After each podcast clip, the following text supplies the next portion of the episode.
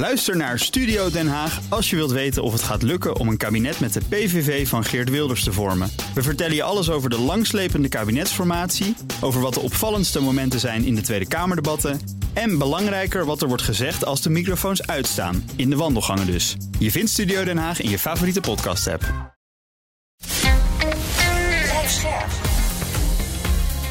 BNR Nieuwsradio.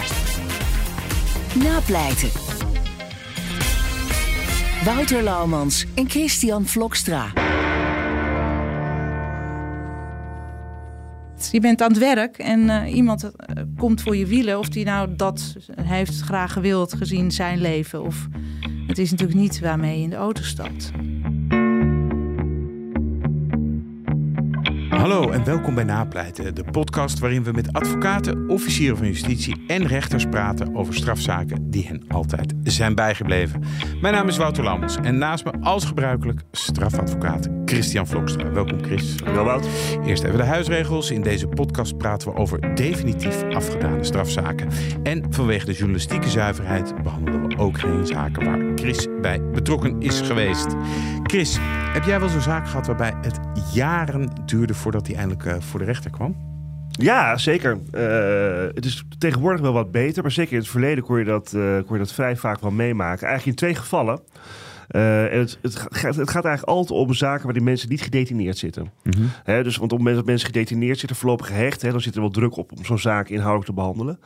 Maar je kunt zowel in eerste aanleg als mensen niet gedetineerd zitten, als tussen rechtbank en uh, gerechtshof. Ja. Uh, kun je wel eens hebben dat, dat zo'n dossier jou op een of andere manier ergens tussen raakt bij het Openbaar Ministerie. In de, in de kieren van de kast ja, valt. En, en maar niet op zitting komt. En uh, dan kun je eigenlijk als advocaat hè, van de verdachte twee dingen doen. Je kunt, je kunt zeggen, nou, ik ga zelf aan de bel trekken. Mm -hmm. maar vaak is dat het op zich niet in het belang van jouw cliënt. Want ja, we weten allemaal hoe langer het duurt, hoe milder vaak het oordeel is. Um, maar het komt regelmatig voor. Ik heb bijvoorbeeld dit jaar nog een zaak gehad bij het Hof Den Haag. En dat was een hoge beroep van een vonnis van de rechtbank Rotterdam uit 2014. Kun je oh, wauw. Ja. Dus ja, gewoon... Hof Den Haag is ook wel berucht hoor, maar het wordt wel steeds beter. En Dus, een eh, dikke negen jaar later. ja, ja. En dan moet je nog even. ja, ja, dan moet je, dan moet je alweer zo'n dossier duiken. Oh, nou, dat is eh, lastig. We gaan naar de zaak van vandaag. Eh, en die speelt zich af op zondagochtend 16 februari 2014. Eh, eh, de destijds 21-jarige TCA-taxichauffeur Ayoub A. reed toen op de Amsterdamse Overtoom een 45-jarige man dood. Het dodelijk ongeval gebeurde kort na 4 uur s'nachts ter hoogte van de kruising met de Jan-Pieter Heijenstraat. En voor de luisteraars, de Overtoom is een hele lange straat in eh, Amsterdam-Zuid en de Jan-Pieter Heijenstraat. Die kruist die straat. Het slachtoffer eh, die met zijn fiets overstak werd 60 meter meegesleurd door de taxi. Bij ons aangeschoven vandaag is de Amsterdamse advocaat Renate Honig. Welkom. Dankjewel. Um, we hadden hier twee weken geleden hadden we advocaat Paul Verweijen. En die hangt zijn toga aan de wilgen en die gaat naar het OM. Uh, maar jij gaat er ook mee stoppen. Ja, ik ga na net iets meer dan 25 jaar uh, strafpleiterij stoppen. En ik ben al begonnen op de Universiteit van Amsterdam als docent strafrecht. Ik wilde nog een uh, staartje anders, zeg maar, ja. aan mijn carrière breien. En uh, dat is gelukt, dus daar ben ik super blij met uh, dat het dat kan bij de universiteit. En ja, ik heb nog wel even overwogen om het erbij een beetje te doen. Maar ja, je kan toch maar één ding goed doen. Het, het wordt te verwarrend. Dus uh, vanaf 1 januari aanstaande, dan hangt die toga er ook. Ayoub A. Ja. Renata, waarom heb je deze zaak uitgekozen? Nou ja, en nogmaals, ik kijk dus een beetje terug op uh, heel veel zaken. En er zijn er natuurlijk maar een paar die oppoppen als uh, ploppen. En dit is er één van. En waarom? Omdat, um, ja, ik, wat hier, het, het was eigenlijk een, dat je hier in deze zaak voor mijn gevoel heel erg had... dat het, uh, nou, de verdachte slash dader eigenlijk het slachtoffer was. Aha. En dan niet van ja, in al die andere clichés. Maar ja, in deze zaak, we zullen zo bespreken, had ik daar heel erg het gevoel. En wat me heel erg heeft gestoord, waar ik echt, nou ja, en al die keren dat we zijn in talloze raadkamers geweest en bij de rechtbank bij het Hof. Um, en uh, keer op keer dat, dat dan je, jouw cliënt uh, heel erg lelijk bejegend wordt omdat ze zien hem als de verdachte, dus ga je op een bepaalde toon praten. En mm. ja, dat vond ik in deze zaak heel erg pijnlijk voor mijn cliënt. En daar kan je dan wel wat van zeggen. Maar ja, op een gegeven moment ben je, ben je ook een soort metaalmoe in zo'n zaak. Dan doe je dat nog wel, maar... Hè, en, en dat, ja, ik, ik heb namelijk oprecht het leed gezien bij de- deze jongen. En, ehm, ja, en wat het hem gekost heeft dat hem dit is overkomen. Hoe kwam die zaak bij jou terecht? Laten we bij het begin beginnen. Nou, in die tijd, het speelt eh, in 2014, ehm, was, eh, waren er een aantal, eh, ja, niet vergelijkbaar, totaal niet, maar taxis die mensen doodreden. Klinkt een beetje gek, maar je had er een paar achter elkaar die in de nacht. Nou ja, als je Ehm, die gasten soms ziet rijden, ja, dan denk je, ja, nou, Ja, het, Ja. kan je er iets bij ja, voorstellen. maar het is veel minder geworden. Ja. Het is ook heel apart waarom dat dan opeens drie, vier keer achter elkaar Ja. gebeurt. Want er is niet een omstandigheid aan te wijzen waarom dat dan zo is. Ja. Maar daarmee had hij, eh, dus mijn cliënt, zeg maar, wel al, nou niet de schijn tegen, maar de wind tegen. Omdat die, er- ontstond als een verweer, of een- zo'n sfeer van, ja. ehm, eh, Die gasterijen roekeloos. ja, en het was ook een beetje, denk ik, de opkomst. Dat heb ik niet even uitgezocht nog hiervoor, maar de opkomst van Uber. Ja, ja. En met die boordcomputers en eh, met dat iedere, nou ja, met de rijbewijs iedereen maar eh, taxi, kon kon rijden. Maar Dat hoe kwam die dingen. zaak bij jou terecht? Was Nou, hij ook cliënt van jou? Nee, ik had dus een, een, een andere zaak. ehm, die kwam, ja, denk ik, via de piket gewoon. Een, een, een cliënt. Ook een dergelijke, ook een taxichauffeur die iemand had eh, eh, doodgereden. En eh, ja, en hij, ik denk dat deze jongen, dat weet ik zeker, maar hij heeft rondgevraagd toen hem dit was overkomen, want hij is niet in de boeien geslagen na het ongeluk. Een dag daarna ja, heeft hij letterlijk aangebeld bij ons kantoor met mijn naam van die cliënt van mij, die andere cliënt. En toen, ja, en toen, toen kwam hij. Ja. En wat vertelde hij?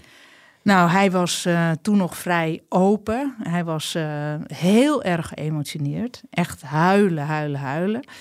21-jarige jongen. Ehm, hij was net, nou niet lang, was hij taxichauffeur. Nou, hij had dus iemand doodgereden. En hij wist bij God niet waar hij het zoeken moest. Kwam het op neer. Het was eigenlijk meer...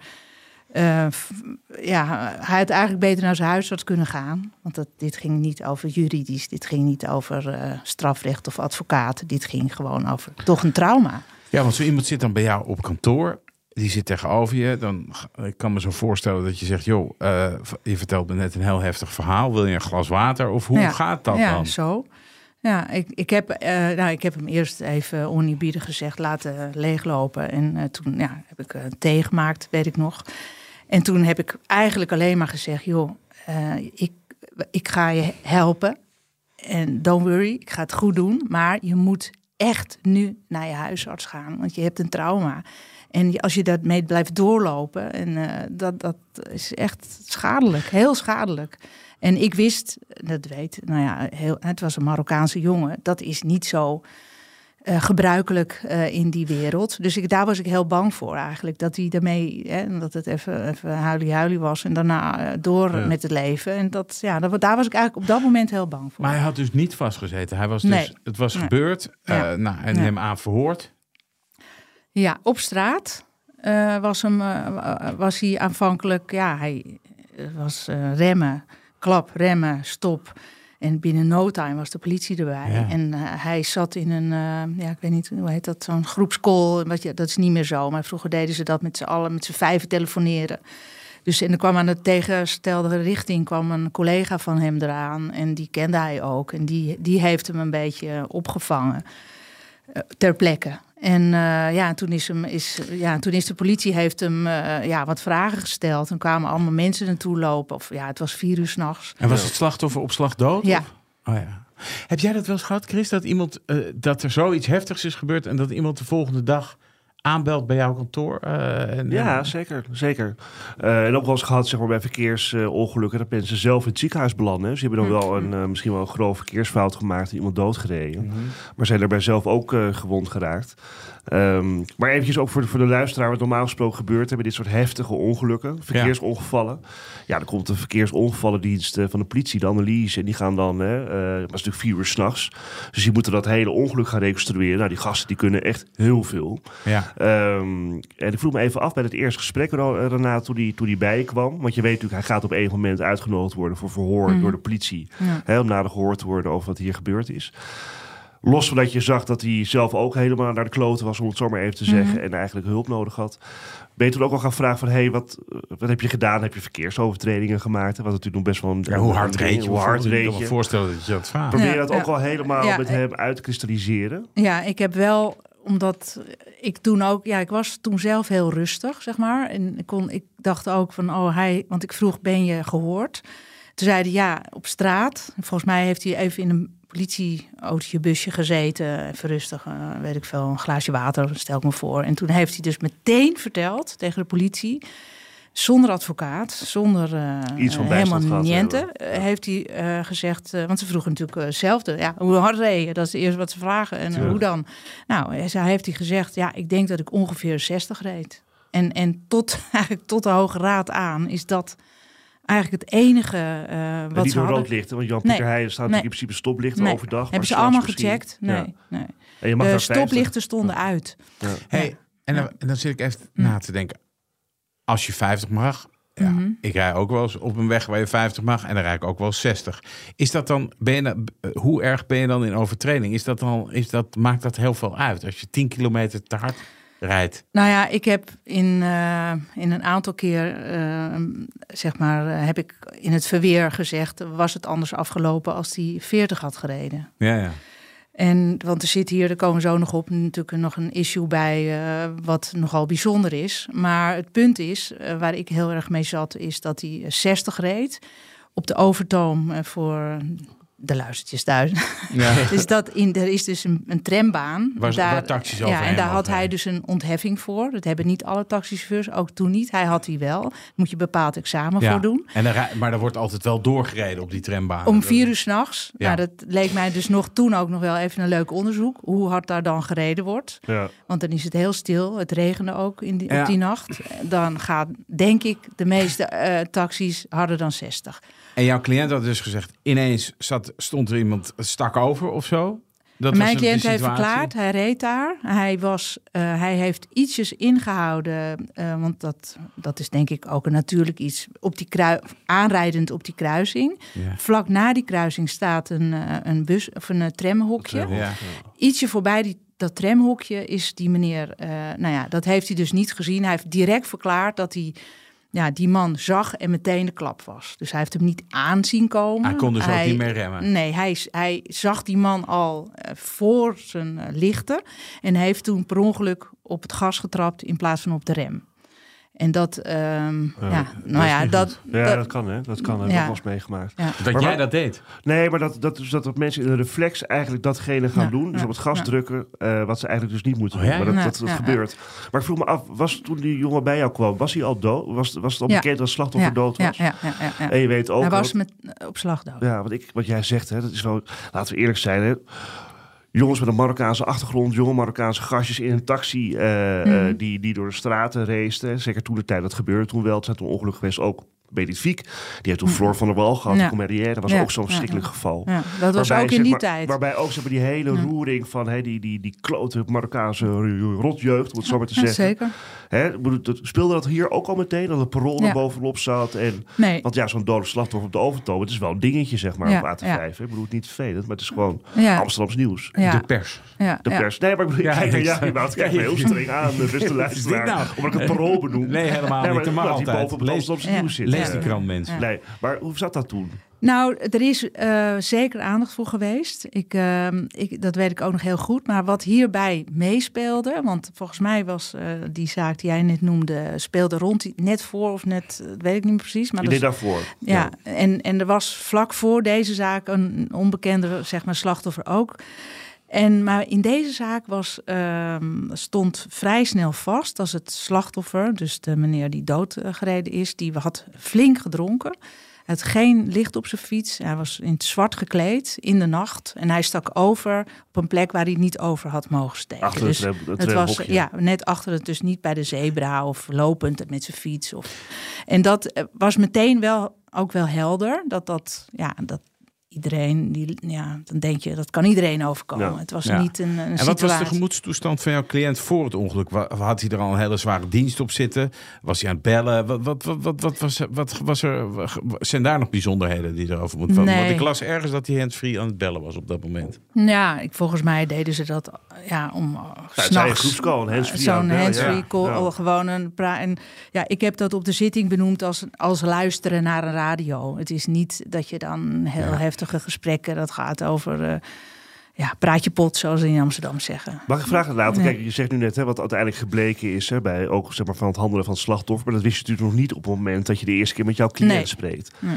Dan is natuurlijk voor jou ook even af als advocaat. Althans, dat is voor mij altijd Hm. van in hoeverre spreekt hè, deze man eh, of vrouw eh, de waarheid tegen mij. Hè, kan ik hè, ook. Ja. in verband met natuurlijk het aankomend verhoor bij, bij de politie.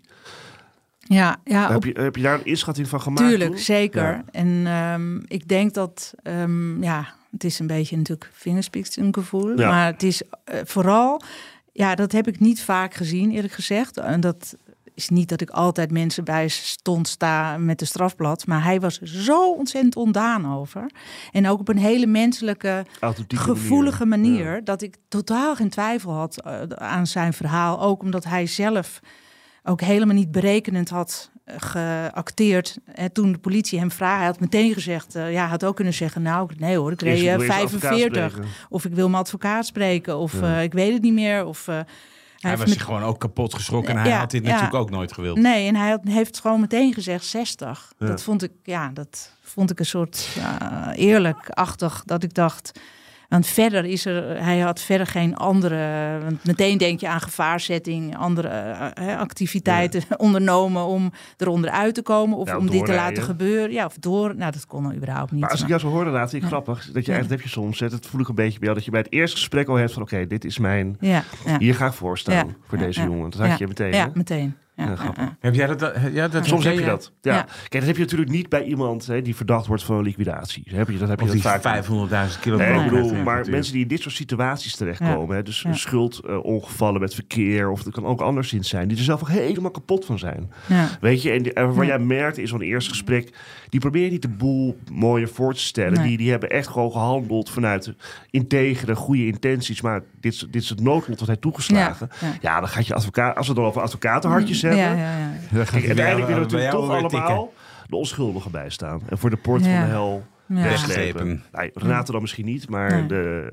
Ja, ja nee, maar ik, ik snap het wel. Ik bedoel, Ja. iemand heeft hulp nodig op zo'n Ja. moment. Ja. Dat begrijp ik wel. Ja, Eh, en dat je voelt, meteen ook al eh onbewust bijna, dat je denkt, ja, zo'n Marokkaanse jongen zal het niet makkelijk krijgen in dit Nee. proces. En aan de Jong andere- en Marokkaan en, Ja, taxi, en dood. En, En aan de andere kant is er een, iemand van eh 46 die Is ook zo. Ja, dood is. ja, ja, Eh, die, eh, ja, dus het is zo'n zaak waar je van tevoren eigenlijk al van kan zeggen... Alleen maar verliezers. Alleen maar verliezers. Ja, dat, eh, daar, daar ga je dan in. Het onderzoek, want die, eh, wat heb jij eigenlijk gezegd? Joh, eh, want als iemand bij jou komt en die heeft zo'n verhaal... Dan, dan ga jij hem, neem ik aan, voorbereiden op wat komen gaat. Ja, En nou wat ja. heb jij verteld? Hij was, eh, nou, hij is die, nadat die eerste keer eh, vertrokken naar zijn huisarts. En toen heb ik, denk ik, een week daarna weer hebben afgesproken. En toen in- heb ik in die tijd heb ik geprobeerd te achterhalen wat er al was aan eventuele plannen. Was er een PV wat ik kon krijgen, dat soort dingen. drukken. Een PV, procesverbaal. Procesverbaal. Ja.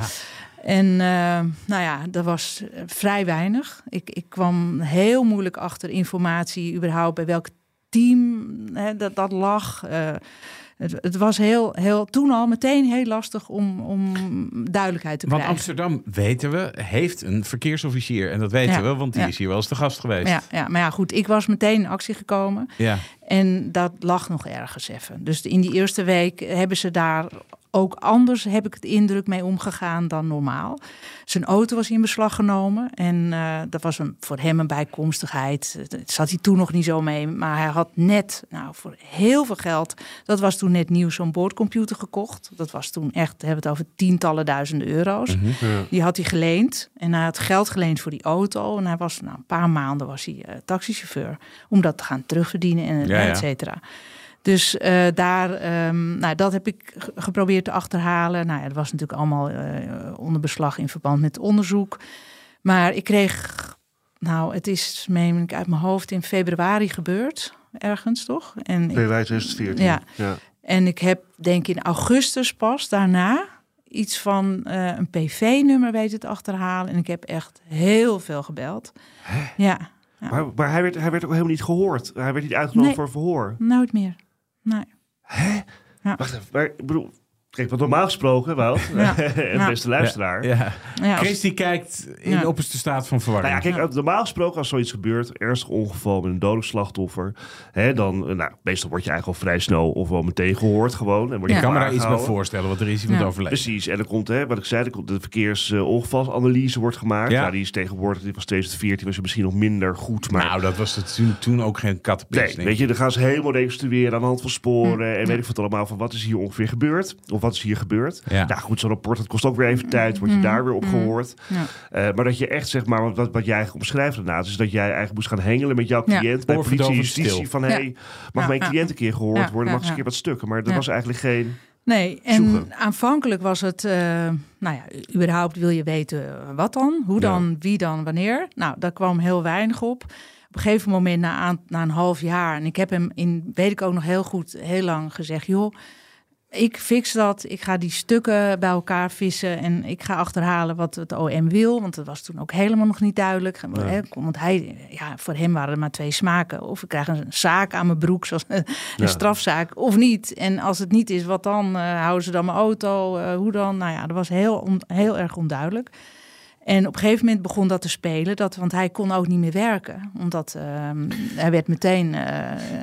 Hij mocht eh, zijn taxi, eh, be- hoe heet dat? Eh, zijn, eh, Zijn licentie werd licentie ingetrokken. werd ingetrokken. Die auto werd ehm, heel lang in beslag gehouden. Zijn boordcomputer kreeg hij niet terug, terwijl het Ja. onderzoek al was gedaan. En, hij hij- kon ook geen uitkering aanvragen, ja, of geld. Of, want ja, hij, en hij moest dan maar ander werk gaan doen. Maar ja, hij was psychisch ook totaal uit het veld geslagen. Dus dat was een best een ding. Dus ik wil zeggen dat mijn eerst was mijn, ja, mijn, mijn activiteit, zeg maar, dusdanig op, op de stukken. Ja. En op een gegeven moment wilde ik die stukken ook hebben, maar dan om te kijken of Zodat hij die... weer aan het werk kan. Ja, bijvoorbeeld. Of Ja. dat die auto eh vrij kwam, dat die kon verkopen of whatever. Zo heeft hij in die periode eh, contact proberen op te nemen met de nabestaanden van het slachtoffer? Nee, nee, nee. Maar dat is ook lastig, hè? Kijk, Snap ik. Nee, dus ik wil even. Hij, hij wist niet wie dat was. We Nee. hadden geen stukken. Ja. Kijk, op het Wij moment dat je in een zaak niks. zit, als je in een Ja. zaak zit, Ja. dus als er, als er een dossier is, Ja, er is voortgang Ja. hè, en er Nee. is daadwerkelijk onderzoek gaande, is dat makkelijker. Hè? Ja. Ook voor een advocaat om contact Ja. te zoeken nu. Ja. Maar wat zij beschrijft is heel raar. Hè? Ja. Je zit eigenlijk in een soort van middle of nowhere. Zit je van, Ja. hé, hey, jongens, waar is mijn zaak? Ja. Ja. Jongens, Ja, waar is en, mijn zaak en wat kan ik Of hierin is doen? er wel een zaak? ja, is er wel een zaak. Kijk, Terwijl en ik, ondertussen je licentie is ingetrokken, Ja. je niet kan werken en je Ja, allemaal schade ja, leidt. ja, ja. En daar hadden ze dus echt lak aan. Want dat heb ik echt ook wel op een gegeven moment bij de politie, eh, zeg maar, die afdeling, eh, honderd keer geroepen, geschreeuwd van eh, doe iets. En vervolg hem dan. dan stuur het. Maar Maar wat was, zei ze dan? nou, er was eigenlijk, wat ik de indruk had in het eerste jaar, dat er eigenlijk niemand over ging. Snap je? Het, het was allemaal leuk Ah. opgeschreven. Er was, er was ook geen officier aangekoppeld, waar je dan altijd aan, naar op zoek gaat. Hè. Een, een naam heb ik het dan over, Ja. dus niet een Iemand instantie. die het onderzoek leidt. Ja, of weet ik veel. Er was, er was ook niet een, iemand van. Soms heb je wel eens bij de politie dat één iemand dan eh, zo de zaak naar zich toe trekt. Maar was er wel een daarover- verkeersongevalsanalyse gedaan nu überhaupt dat dan? wisten wij niet. We Nee. hadden geen idee. Geen stukken. raar ja. Dus het was, dat was het. Dan moest die naam staan trouwens ook Ja, heel raar zijn. Ja, ja en, en het was ook zo dat na een jaar ongeveer, want ik had zelf het idee, nou, laat het een jaar geven. Want eh, je weet het, het was toen de tijd. Het is nu wel iets verbeterd. Allemaal heel stroperig en onduidelijk. En het duurde honderd jaar zo'n onderzoek, Ja. zo'n reconstructie. Dus ik zei tegen hem, nou, als je over anderhalf jaar, als je moet voorkomen, en dan zal het over anderhalf jaar zijn, m- hè, op zijn vroegst. Dus dat, Want wanneer zei dat? Dat zij gewoon gaandeweg. ja, en dat, gebeurt. nee, steeds. Want Ja. hij zei, ja, heb ik nou een zaak? Ik zei, Maar hij is nou, dan vrij nog stil, want hij, is nog, hij was eigenlijk nog steeds niet normaal gehoord door de politie, Nee. behalve daar ter plekke even zo'n vier uur nee, s'nachts. nee, nee, nee. Hoe is die zaak zeg maar, weer aan het rollen gekomen dan?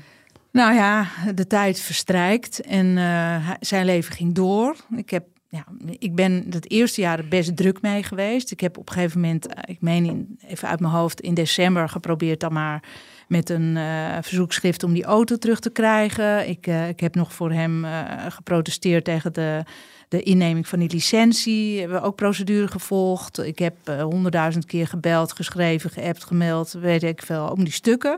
Nou, er zat gewoon geen beweging in. Dus na een jaar zo, um, en de, dat verzoekschrift werd afgewezen, natuurlijk zou ik bijna zeggen, omdat... Vanwege de waarheidsvinding? Vanwege de waarheidsvinding. Het onderzoek naar die auto was nog niet, want dat had ook die officier op die zitting niet.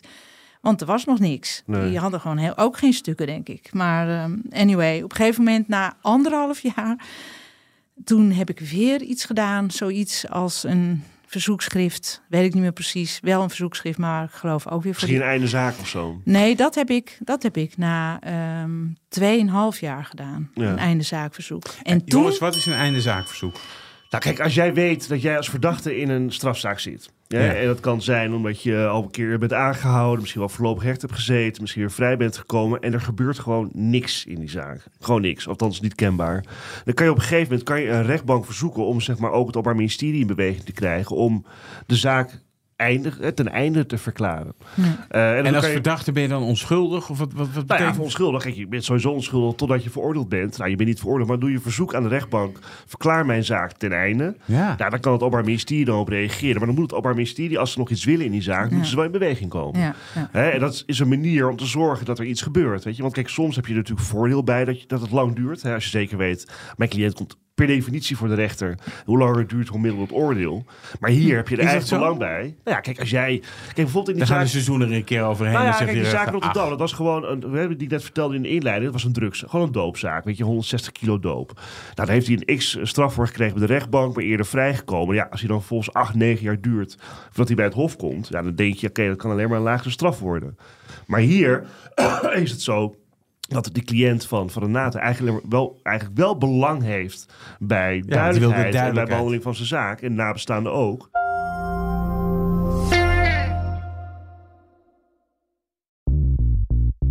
BNR ben je altijd als eerste op de hoogte van het laatste nieuws. Luister dagelijks live via internet. Bas van Werven. En heel langzaam komt de zon op rond dit tijdstip. Je krijgt inzicht in de dag die komt op BNR, het Binnenhof in Nederland en de rest van de wereld. De Ochtendspits. Voor de beste start van je werkdag. Blijf scherp en mis niets. Je hebt een verzoek gedaan, niet meteen einde zaak, maar nog een ander verzoek. Ja, het ging nou, over, dus over die licentie hebben we zeg maar even geprocedeerd. En ik denk twee keer over die auto met toehoren, dus ook met die boordcomputer. Want dat was, ja, hij kon dus niet afbetalen omdat hij niet kon werken. En hij kon er ook geen gebruik van maken. En um, volgens mij is het een van die laatste verzoeken van de, ten aanzien van de auto, die is toen door de rechtbank uh, zeg maar, gegrond verklaard. En toen hebben we nog eventjes gewacht en dachten we, nou, misschien gaan ze nu iets doen. Nog niet. En toen heb ik uh, wat wij dan jargonachtig noemen uh, einde, zaak. einde zaak ingediend. En wat kwam daaruit dan? Nou, en toen kwamen ze in actie. ja, het en toen ging er dus, ja, ik zie het dan voor me. Ik ben nog gewoon visueel ingesteld. Laging open. Een nieuwe of, of een, niet deze nieuwe, maar eindelijk een officier. Ja. Ik denk, maar oh, dit is wat. En dan zijn ze toch wel eh, gehouden om de nabestaanden te benaderen. Ja. En uh, dat hebben ze gedaan. En um, ik meen een broer van die meneer, die heeft toen gezegd: Ja, ik wil niet dat een zaak geëindigd wordt verklaard zonder dat wij daarin uh, nou ja, gehoord zijn. Zo letterlijk. Ja, maar die hebben dus ook worden. dan 2,5 jaar moeten ja. wachten. Ja, en maar die hebben dus ook nooit, die hebben ook nooit iets uh, oh, wow. in het dossier zichtbaar gedaan om, om dat aan de rol te krijgen. Maar toen kwam er een dossier op tafel. Ja, toen kreeg, kwam er eindelijk een dossier op tafel. En um, nou ja, dat, dat, was, dat was eigenlijk waardoor deze zaak zo aankleeft. Want heel eerlijk, die gang van zaken is niet standaard. Maar in allerlei andere verschijningsvormen, uh, lamlendigheid in dossiers, komt gewoon heel best veel voor. En uh, nou, eh, jij zei dat het ook vooral vaker is natuurlijk bij bij niet gedetineerden, logisch. Maar in allerlei vormen komt het voor. Anyway, dat dossier komt binnen en uh, daar lees ik uh, nou ja, van alles in. En onder andere ook een verklaring van een omstander van dat, bij dat onder, onder, ongeluk zijnde. Dus die stond, uh, die, die, die stond daar omheen. Ja. En hoe weet ik even niet meer uit mijn hoofd. Maar er stond een mevrouw en die zei: Ja, dat is Huppepup. En dat is een vriend van mij. Ik ben de hele avond met hem op, op stap geweest. En hij heeft mij gezegd dat hij een einde aan zijn leven wilde maken. En hij wilde zich voor de tram gooien. Dus toen werd ik zo ontzettend boos. Want ja, het eerste wat ik dacht, en dat, dat lijkt eigenlijk op de gedachte die ik had toen hij die eerste dag bij me kwam. Ik dacht, als hij dit had geweten, hoe anders was dan de verwerking geweest van zijn trauma? Maar die vriendin, die, die was die avond met hem geweest. Ja, En die zegt, hij, hij had mij al verteld dat hij een zelfmoordpoging wilde ondernemen. ja, ja ze die, ehm, nou, ik zal nog iets meer schetsen van de. Van, ja, ik vind dus nogmaals mijn cliënt in deze ook een slachtoffer. Maar van het dodelijk slachtoffer was. eh, ook in dat dossier kwam ik er dus achter. Want er is een soort eh, onderzoek gedaan naar zijn persoon in de buurt. En die man was eh, een alcoholist. Dat, dat heeft iedereen gezegd. En hij eh, was zeer sympathiek. Hij was graag geziene gast in allerlei cafés. Dat was om zijn rekening of om zijn persoon. Is me niet helemaal duidelijk geworden. Maar volgens mij ook om zijn persoon. Want er gingen zelfs eh, mensen uit barretjes waar hij vaak kwam. bij hem thuis eten brengen. Omdat hij zo gewoon slecht voor zichzelf zorgde. En blijkbaar ook heel sympathiek was. Want dat werd gedaan. En ehm, wat uit dat dossier. dat stond dus allemaal uit dat, in dat dossier wat ik meteen al kreeg. En dus eh, het verslag van ja, een soort verhoor op straat van die mevrouw. Die is later nog eh, een keer opgebeld en is dat verhoor aangevuld met wat zij toen door de telefoon verklaarde. En zij kende hem dus al wat langer. Ze noemde zichzelf ook echt vriendin. Ze was Argentijnse, dat was ook nog wel een detail. En inmiddels, dus eh, dat ik dat dossier kreeg, woonde zij niet meer in Nederland. En zij, eh, ja, zij, ze trok met deze man op. Ik weet ook niet precies, verder weet ik niet eh, hoe die vriendschap was. Maar ze kenden hem echt goed. En hij had eh, haar vaker, niet heel vaak per se, maar wel eerder ook. Maar zeker die avond verteld Ja. op hun kroegentocht dat hij het gewoon bleek, leeft- bleek ook uit ja. het dossier los van deze nou, opzienbarende verklaring, zeg maar. Maar dat is één verklaring, hè? We hebben ook wat er Ja. feitelijk was gebeurd. Dus zeg maar de ongevalsanalyse zat daar ook in, of niet? Weet je dat nog? Ehm, nee, die zat er niet in. Eh, je bedoelt echt de reconstructie, Ja, de eh, reconstructie van de technische. Ja, reconstructie. precies. Of ja, nee, nee. die zat er nog. Er zat wel een soort van relaas onderdeeltje in. En het hele uitgewerkte onderzoek zat er niet in, maar dat kreeg ik vrij snel daarna. Ehm, maar daar bleek verder eigenlijk, eigenlijk ook weinig uit in de zin. Maar het verhaal eh, wat jouw cliënt ja, jou vertelde, ja. dat werd niet weersproken Nee, door, door nee, nee, nee, nee. Uit tot, hij- tot en met. Een ooggetuige zei, hij reed snel, toch? Dat begreep ik. Ja, ja, nou ja, eh, dat maar zij, 60 is snel, ja, als je- als je kijkt. Ja. En ze hebben met, ehm, ze hebben er heel moeilijk. Dat is gewoon, het is eigenlijk niet meer vast. Ze hebben het niet meer vast kunnen stellen, omdat er geen remsporen waren waar ze wat aan hadden. Wat nou precies zijn snelheid was. Dus ze hebben ze eigenlijk zijn eigen verklaring meteen na het Ja. ongeluk aangehouden. En ze hebben door middel van ehm, camera's die daar dus niet, eh, Ja, die gewoon eh, hebben ze Ja. tijdsmomenten, hebben ze een re- berekening Ja, gemaakt. hij, het slachtoffer was wel 60 meter meegesleurd. Dat is, dat, Ja. is, dat, is, dat is een stevige knal, hoe, Ja. hoe je het ook wendt of Ja, keert. ja. Ehm, hoe stond het Openbaar Ministerie erin?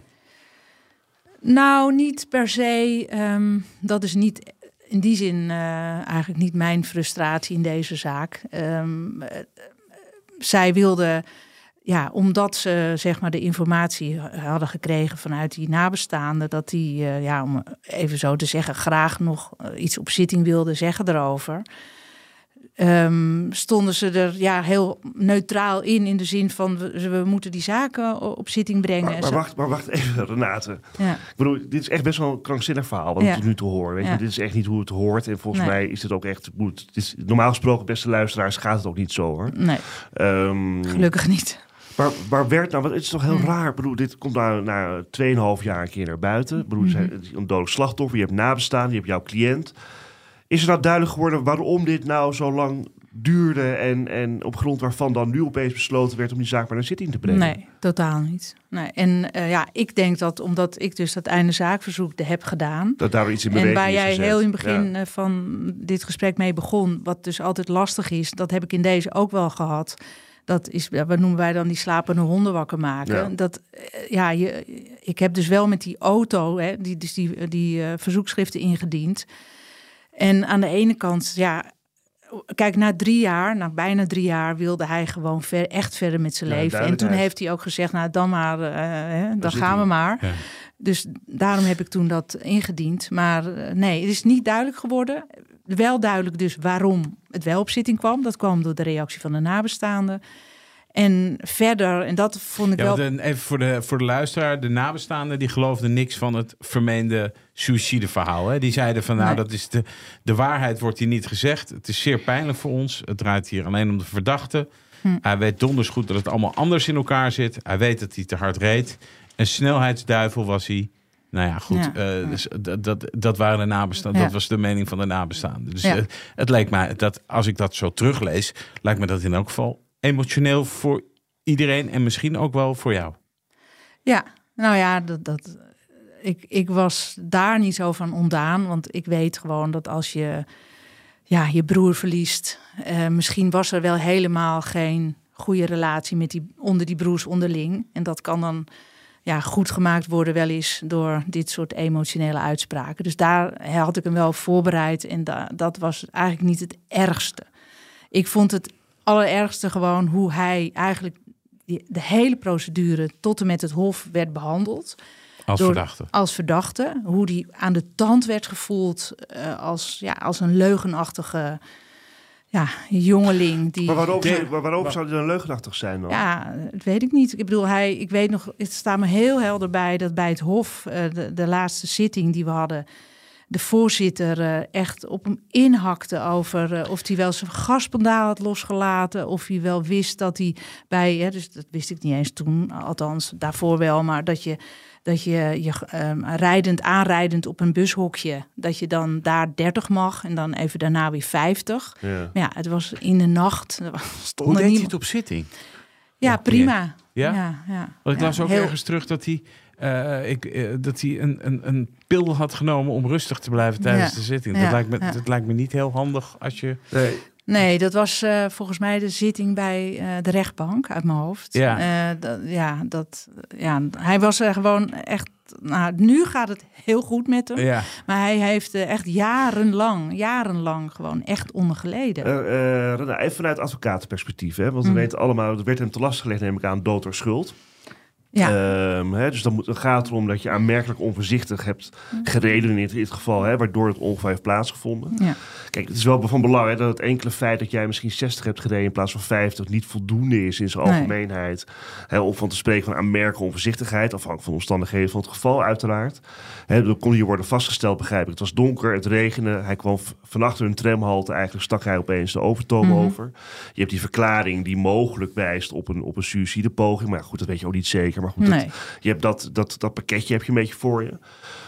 Als ik dat zo hoor als, als advocaat, dan denk ik, nou, dan ga je naar zo'n zitting toe. Als je cliënt gewoon strak is in zijn verklaring, Mhm. het lijkt vrij safe. Eh, eh, en ook het Openbaar Ministerie, dat je denkt, ja, hoe gaan jullie tot een beweesverklaring komen als je alleen maar 10 kilometer te hard hebt, Ja. gelet op deze feiten omstandigheden. Maar ja, hoe was die zitting inderdaad op de rechtbank dan? Hoe, hoe werd hij ontvangen? Hoe, Nou, niet zo. niet, nee. niet, nee. niet met, eh, ja. Kijk, er is op zitting nog geprobeerd bij de rechtbank om nog alsnog als een soort eh, ja, waarheidsvinding in die zin dat er nog wat meer uit zijn verklaring zou komen. Ja. En met het, met, met het gevoel, hè, maar dat is natuurlijk niet objectief, dat weet ik ook wel, vanuit de, hè, vanuit de verdediging dat. eh, dat hij hopelijk nog eh, zichzelf, eh, iets, ja, ja. dat hij hopelijk nog zijn eigen graf in die zin eh, hè, juridisch gesproken zou graven door nog meer te verklaren, waardoor hij wel die Ja. dood door schuld eh, hè, het bewijs rond zou krijgen. Ehm, ja, nogmaals, ja, op heel erg geprobeerd om. Kijk, er is dus een reconstructie gedaan. Er is een, nog een ander soort onderzoek geprobeerd te doen in Duitsland met, met eh, remmen, eh, sporen en, en na, weet ik veel wat. Heel totaal onleesbaar rapport overigens, waar eigenlijk alleen maar uitkomt. We kunnen het gewoon niet meer vaststellen. Nee. En dan iemand eh, ja, op zitting alleen maar bevragen over waarom heb je dan eh, nog gas gegeven als je die klap had. Ja, dat wist hij ook niet meer. Het was paniek, punt. Weet Ja. je wel? Ja, dat, dat kan je. En dan, dan kan zo'n zitting best wel lang en pijnlijk zijn. En op zichzelf al eh, ja. Ja. traumatisch, serieus. En zeker als je nabestaanden hebt die natuurlijk helemaal uitgaan van, Ja. van een lulverhaal eigenlijk van Ja. jouw cliënt. Ja. En hem de schuld geven. Ja. Ja, ja, en die dan ook in de zaal zitten. En, ja. Ja. Het OM eiste eh taakstraf van 200 uur eh, en eh, een rijontzegging van een jaar. Ehm, dat werd uiteindelijk, jij ging voor niet ontvankelijk. Ehm, Ja, beetje tegen beter weten in, dat weet ik ook. Maar ik vond vooral het pakket. ehm, wat, waar ik heel erg mee zat, is dat ze drie jaar lang iemand die ook bij. Je hoeft echt niet. eh, eh, heel erg eh, ver in de psychologie te zitten om te kunnen weten dat je, dat je iemand ook een trauma heeft. Ja. En dat je dan iemand drie jaar onthoudt van dergelijke kennis. Dat, kijk, je kan zeggen, je kan niet meer vaststellen dat zij het Hof met eh, uit eh, letterlijk. We kunnen ook niet meer vaststellen, mevrouw Honig, dat dit een, eh, een zelfmoord was. Nee. Dat kunnen we niet vaststellen. Maar als hij maar had geweten drie, die drie jaar dat het wel een mogelijkheid is. Je weet het nooit meer, maar het, is, het is- lijkt er wel op. Hè? En dat is voor hem misschien genoeg ja, om, om het een plek te geven van... ja, misschien heb ik hem wel geholpen, weet je. Dat is... Ja. ja. Ja, en hij heeft mij dan uitgekozen. Kijk, in die vergelijking eh, bij, van een treinmachinist... daar is iedereen begaan met het lot van een Ja, van een treinmachinist. En, en, en, en soms eh, zelfs is, hij, is men dan boos op de zelfmoordenaar. Maar hier was het totaal andersom. ja, want de uitspraak was 140 uur eh, taakstraf en één jaar rijontzegging. En in de uitspraak schreef de rechtbank van een beroepschauffeur mag Ja. nog meer dan van een gemiddelde autobestuurder worden verwacht dat hij zijn rijgedrag aanpast. Eh, ja, en dat is natuurlijk ook het verschil weer met zo'n treinmachinist. Hè? Eh, een treinmachinist die rijdt over de treinbaan. Ja. En een beroepschauffeur die rijdt over de openbare weg. Dat Ja. is natuurlijk Nee, het tuurlijk, belangrijkste. tuurlijk. Maar als je wel Ja. even ehm, opzet hebt en je wil jezelf eh, van het leven beroven en je gaat wachten achter de trambus. En ik heb zelfs gedacht, ehm, heeft hij misschien niet gewacht op een taxi die net iets harder reed dan die andere Ja, taxi? En jou dan. maar dat nee, maar goed, als je dat vanuit. Nee, maar we weten de andere kant ook Nee. niet. Eh, eh, Er is geen opzet aan, eh, aan, aan de andere kant ook geweest. om Maar even dit- los hoor, ik, bedoel, ik, zit, ik zit dat vonnis even erbij te pakken. Even los van het zelfmoordverhaal. Ja, ja. Hè, maar gewoon even de situatie Ja. zelf. Wat de rechtbank uiteindelijk zegt is... hè, eh, inderdaad, van een beroepschauffeur mag nog meer verwacht worden dan. Nou, dat is, dat is maar de vraag, vind ik eerlijk gezegd. Want op het moment dat je een rijbewijs hebt... ja, dan mag verwacht worden dat je gewoon de verkeersregels houdt.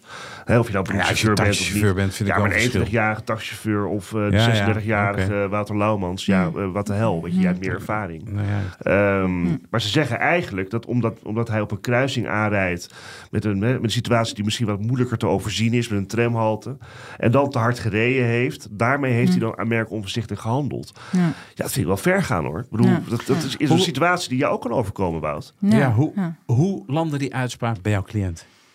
Nou, eh, Was je gezien. niet ook een beetje opgelucht van, joh, daar hebben we het maar gehad? Mm, ja, zeker, zeker. Ook, ook, kijk, dat is altijd heel dubbel. Het feit dat je dan moet voorkomen is natuurlijk vervelend. Want je krijgt van tevoren al een soort straf, omdat je. Hè, Ja. maar aan de andere kant, dat moest wel eindigen, deze onzekerheid. Ja. En dat is. eh, nee, dat, dat was ja, eigenlijk een soort van gelatenheid, kan ik zeggen. Ja. Ik had ook, eh, gezien de gebeurtenissen op de zitting, was dat eigenlijk niet anders te verwachten. En ook gezien, kijk, eigenlijk vanaf het moment dat, dat wij vroegen om einde zaak en de houding van, nou, met eigenlijk meer de rechtbank nog, vond ik, dan het OM. Want ik vind altijd het OM, ja, dat is hun eh, kunstje, weet Ja. je. Maar eh, ook de, ja, de toon van ondervragen en, en ook niet één ergens een momentje van, eh, joh, Gaat het met jou? krijg je ook maar gratis erbij, hè? Ja. Ik bedoel, je, je werkt, je bent aan het werk en iemand komt voor je wielen. Of die nou dat heeft graag gewild gezien zijn leven. Of het is natuurlijk niet waarmee je in de auto stapt. Jullie gingen in beroep. Ja. En tijdens die beroepsprocedure stelde het Hof, ehm, en dat lees ik terug in een artikel van een eh, collega van mij, Hanneloes Pen, eh, want die is bij- daarbij geweest destijds, want dat speelt dan dus in mei 2019. Ja, ja, ja. Dus dat is eh, ruim vijf jaar later. Mhm. Eh, en dan zegt, eh, zegt het Hof, het is geen zware straf. Waarom ben je in beroep gegaan? Ehm, om, Daar, begonnen ze mee. ja, ja, ja, ja, dat staat hier in het verslag van mijn collega, ja. Lekker, ja. Je vraagt nu aan mij Nou waarom ja, wat, de- hoe, het landt, hof... hoe landt zoiets bij een cliënt? Van, want ik bedoel, je mag in beroep gaan. Ja. Eh, en dan zegt het Hof, ja, Dan zeggen ze eigenlijk, je bent guilty as hell en je hebt een laag straf Nou, gekregen. ja, ja, komt wel op neer. Jawel, Ja. die sfeer was er wel. Ja, hoe dan... Kijk, voor hem... ehm, ja, misschien... Hij, hij was eh, echt getraumatiseerd. En beleeft ook zo'n zitting eigenlijk... Ja, als kijkende naar... Ja, het klinkt een beetje... Dat doe je blijkbaar. eh, als kijkende naar een film. Ja. Dus, eh, en, Ja. Maar ik niet. Ik, ik, werd, gewoon- ik werd gewoon, daarom, ja, ik heb natuurlijk wel wat meer zaken gedaan waar ik ook een beetje emo bij was, zeg maar. In de zin van boos. En ik gebruik het ook dan wel, omdat anders dan zit je daar, eh, ja, dan komt het ook niet binnen bij die lui. Nee, En eh, ja, het is gewoon zo. En zeker ja, het Hof Amsterdam. Nee, dus Even wakker worden, jongens. Ja, ja. En kijk, ik weet nog, ik, één zitting, eh, twee zittingen staan me heel helder. Dat is dus de laatste zitting van het Hof. En de eerste, pro, dat was een soort pro forma zitting, een regiezitting-achtig. eh, nou ja, regie mag je het niet noemen in dit zaakje, tussen aanhalingstekens. Dat was omdat ik graag die mevrouw wilde horen, die, eh, dus die Argentijnse mevrouw. Nou, toen was er al meteen de argwaan, dat was toen nog, oh, je wilt zeker op een rogatorencommissie naar Argentinië. Ah, op schoolreis eh, naar Zuid-Amerika. Maar dat was echt niet zo. En ik was, nou ja, ik heb dat dus ook afgewezen door uiteindelijk door de rechtbank, by the way. Maar ehm, die zitting eh, was eigenlijk de eerste zitting, en even uit mijn hoofd, dat was dus bijna precies drie, hè, dus drie jaar na dato. Toen zat dus mijn cliënt voor het eerst voor een rechtbank. Wat al best heftig is, want hij had geen criminele carrière, nul. Dus hij was voor het eerst überhaupt in een rechtbank in zijn leven. En hij, ja, ik weet niet hoe hij zich. Ik heb het wel uitgelegd. Het gaat alleen over die getuigen, bla bla Ja, ja. bla. Het gaat niet over. Hè, ze vragen misschien iets aan jou nog voor de vorm, maar je naam en, eh, en nog iets. Maar, en ehm, toen, nou, dat ging ook zo. Dus het gaat best wel kil. Hè, Mhm. want Eigenlijk hoeft zo'n hele verdachte niet te komen bij van spreken, want hij gaat alleen maar hebben over die eh, getuigen. Maar ik zei, je moet wel gaan, want hij was ook echt bezig met, die, met dat eh, verwerking van die ellende. En toen, ehm, nou, toen, ik weet niet meer precies, was geloof ik het toch een soort van laatste woord. Dan kreeg hij nog even de, de kans om wat te zeggen. En toen begon hij hortend en stotend, pruttelend, huilend ook, half snikkend iets te zeggen hoe erg hij het vond. Maar heel, heel heartbreaking. En toen eh, zei die voorzitter, dat zal ik echt nooit vergeten, ik ken hem ook nog, zei hij, ja meneer, eh, hier zijn we niet voor vandaag. Eh, dit is een proforma zitting, we hebben het vandaag alleen maar over de getuigen. Maar zo, ik, ik zat echt van, hè? Heb je dan, heb je het dossier niet gelezen? Ik heb toen ook nog voordat eh, hij aan het woord was, even uitgelegd hoe hij erin stond. Dat hij dus drie jaar gewoon in een nobody's land heeft gedwaald met mij in die zaak. En dat er dus blijkt dat, dat er een me- mevrouw is die verklaring heeft gezegd dat zij had de indruk dat hij dus dat wel aan het doen was geweest, dat eh, zelfmoord. Dat hij dat net had gezegd. Dat zij hoorde die klap letterlijk, zegt ze in de eerste, ja, dat is dan een mutatie, niet echt een verhoor. Zegt ze letterlijk, ik dacht meteen aan dat hij het was omdat hij dat verteld had. Nou, dat is toch een totale andere eh, wereld waar je eh, je trauma in moet verwerken dan dat je helemaal niet één weet, wordt het een zaak? Twee, wie was die man? Eh, waarom? Hoe Ja. dan? Je weet niks.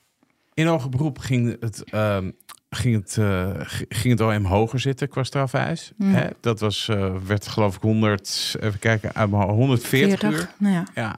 Ehm, het Hof oordeelde eigenlijk uiteindelijk 100 uur. Ja. Dus ja. het viel ietsje lager Ja, uit. Een, week, een week minder eigenlijk. Nou eh. ja, ja, ju- juridisch, kijk, ze, aanvankelijk ging het OM eh, voor eh, wat wij dan noemen 6 WVRM, dat is dood door schuld in het Wegenverkeerswet. En uiteindelijk is hij voor artikel 5, dat zeggen wij dan, gevaarzetting eh, veroordeeld. En daar is zeg maar, de, dat is best wel ingewikkeld juridisch. Ehm, daar is zeg maar de verwijtbare onvoorzichtigheid ligt een beetje anders qua oordeel. En het gaat meestal, wat een beetje raar is ook in deze zaak, eh, wordt dat gebruikt bij wat minder zware zaken. Nou ja, eh, aan de ene kant. verkeersovertredingen Ja, eigenlijk. ja, verkeersovertreding. En eigenlijk is dat dan weer heel raar als je kijkt hoe dit is afgelopen. Maar en dat vond ik dus ook, ja, dat vond ik ook met mijn advocatenhart slash, maar ook als niet begrijpelijk. Want of je gaat voor de vette pot, denk ik dan, dood door schuld. Want ja, dan, dan verwijt je ook mijn cliënt oprecht dat hij schuld heeft aan de dood van die man. En nu is het eigenlijk geëindigd in een soort van. Tussenvonnis. ja, het eh, soort van, ja, je reed gewoon even te hard, joh. En lullig voor je dat zo is afgelopen. En eh dat moet je niet meer doen. Beetje die sfeer. Als, als, wat past bij een overtreding in plaats van bij een zes we- wegenwet, wegenverkeerswet. Dus je kijkt, als ik het, dat is altijd de slotvraag, hoe kijk je Ja. terug op deze zaak? Toch wel bitter. Ja, ik had, ik had het mooi gevonden. Kijk, ik snap best, ik snap één dat hij vervolgd moest worden. Want dat vind ik passen bij, eh, bij zo'n uh, gebeurtenis. Twee, uh, snap ik ook dat, um, ja, dat er dan iets uitkomt waar je het niet mee eens bent. Daar kon ik allemaal heel goed mee leven. Maar waar ik het meeste mee heb gezeten en zit, is dat er dan niemand in dat hele, ja, in al die instituties is die ook maar een beetje uh, ja, snapt. De menselijke maat. Nou, dat is gewoon zeggen, er is niet één iemand geweest, niet een officier, niet een rechter, niet een raadsheer, die heeft gezegd, joh, het is mooi uh, kut voor jou dat je dit hebt moeten meemaken. Hè? Daar heb jij ook niet om gevraagd, toch? Weet je, hoe, hoe erg is dat voor jou? En dat, ik snap dat het geen therapiesessie is, zo'n, uh, zo'n als je bij de rechtbank of bij het hof moet komen. Maar je kan wel als gewoon als rechtsprekende macht, kan je toch wel iets zeggen over dat eigenlijk jij ook een soort slachtoffer bent. Die moet je wel goed realiseren, Wout, en ook de beste luisteraar. Deze man is bij het Hof voor iets totaal anders veroordeeld dan bij de rechtbank. Bij de rechtbank hm. is eigenlijk gezegd: U bent schuldig, u heeft schuld aan merken onzichtelijk gehandeld aan de dood van deze man. En daar heeft hij 3,5 jaar moeten wachten in een debiele, debiel opsporingsonderzoek hm. eigenlijk, waar geen voortgang in zat. Met een bejegening uh, waar de honden geen brood van lusten eigenlijk. Hm. Bij het Hof is hij uiteindelijk gewoon veroordeeld voor het veroorzaken van een gevaarlijke situatie. Zoals je kunt doen op een beetje 60 over de overtomenheid terwijl je 5. Maar niet voor de dood door schuld. Dus niet, hij is niet veroordeeld voor de dood van deze, van deze man. Ja, dat zeggen dus het, ja, dan voor de vette dus, dus, dus, is dus een heel mild oordeel uiteindelijk. En, dat, en dan begrijp ik wat, wat Renate zegt. Dat als iemand dan zo lang in een procedure heeft gezeten en al die ellende heeft meegemaakt, hè, als verdachte, maar eigenlijk als slachtoffer ook, van deze procedure, uh, dat dan niemand een keer zegt van hé, hey, ja. vervelend voor u dat het zo gegaan is. Ja, en ook niemand, uh, niemand heeft van die rechters vooral, en we hebben, ik denk, vier samenstellingen gehad met aanhouden en bla bla bla. Niemand heeft ooit gezegd: hé, hey, OM, hoezo zo lang? Waarom doe je dit deze gasten aan? Dat vind ik gewoon, dat zou ik, ja, als je dan het over hebt op een eerlijk proces, dat hoort daarbij. Ja. Renate Honig, bedankt voor dit verhaal en uh, je komst naar onze studio. Heel graag gedaan. Dit was Napleiten. Mijn naam is Wouter Laumans en naast me zit co-host advocaat Christian Vlokstra. Als u zich abonneert op deze podcast, dan bent u direct op de hoogte bij een nieuwe aflevering. En we zouden het heel erg leuk vinden als u een recensie achterlaat. Tips kunt u sturen naar napleiten.bnr.nl. Verder zijn we te volgen op X en Instagram. Dank voor het luisteren en graag tot de volgende keer.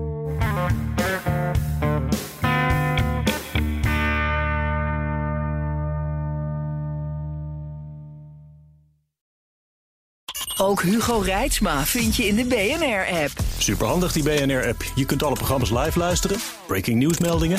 Je blijft op de hoogte van het laatste zakelijke nieuws. En je vindt er alle BNR-podcasts, waaronder natuurlijk de belangrijkste, Boeken zijn in de Wijk. Download nu de gratis BNR-app en blijf scherp.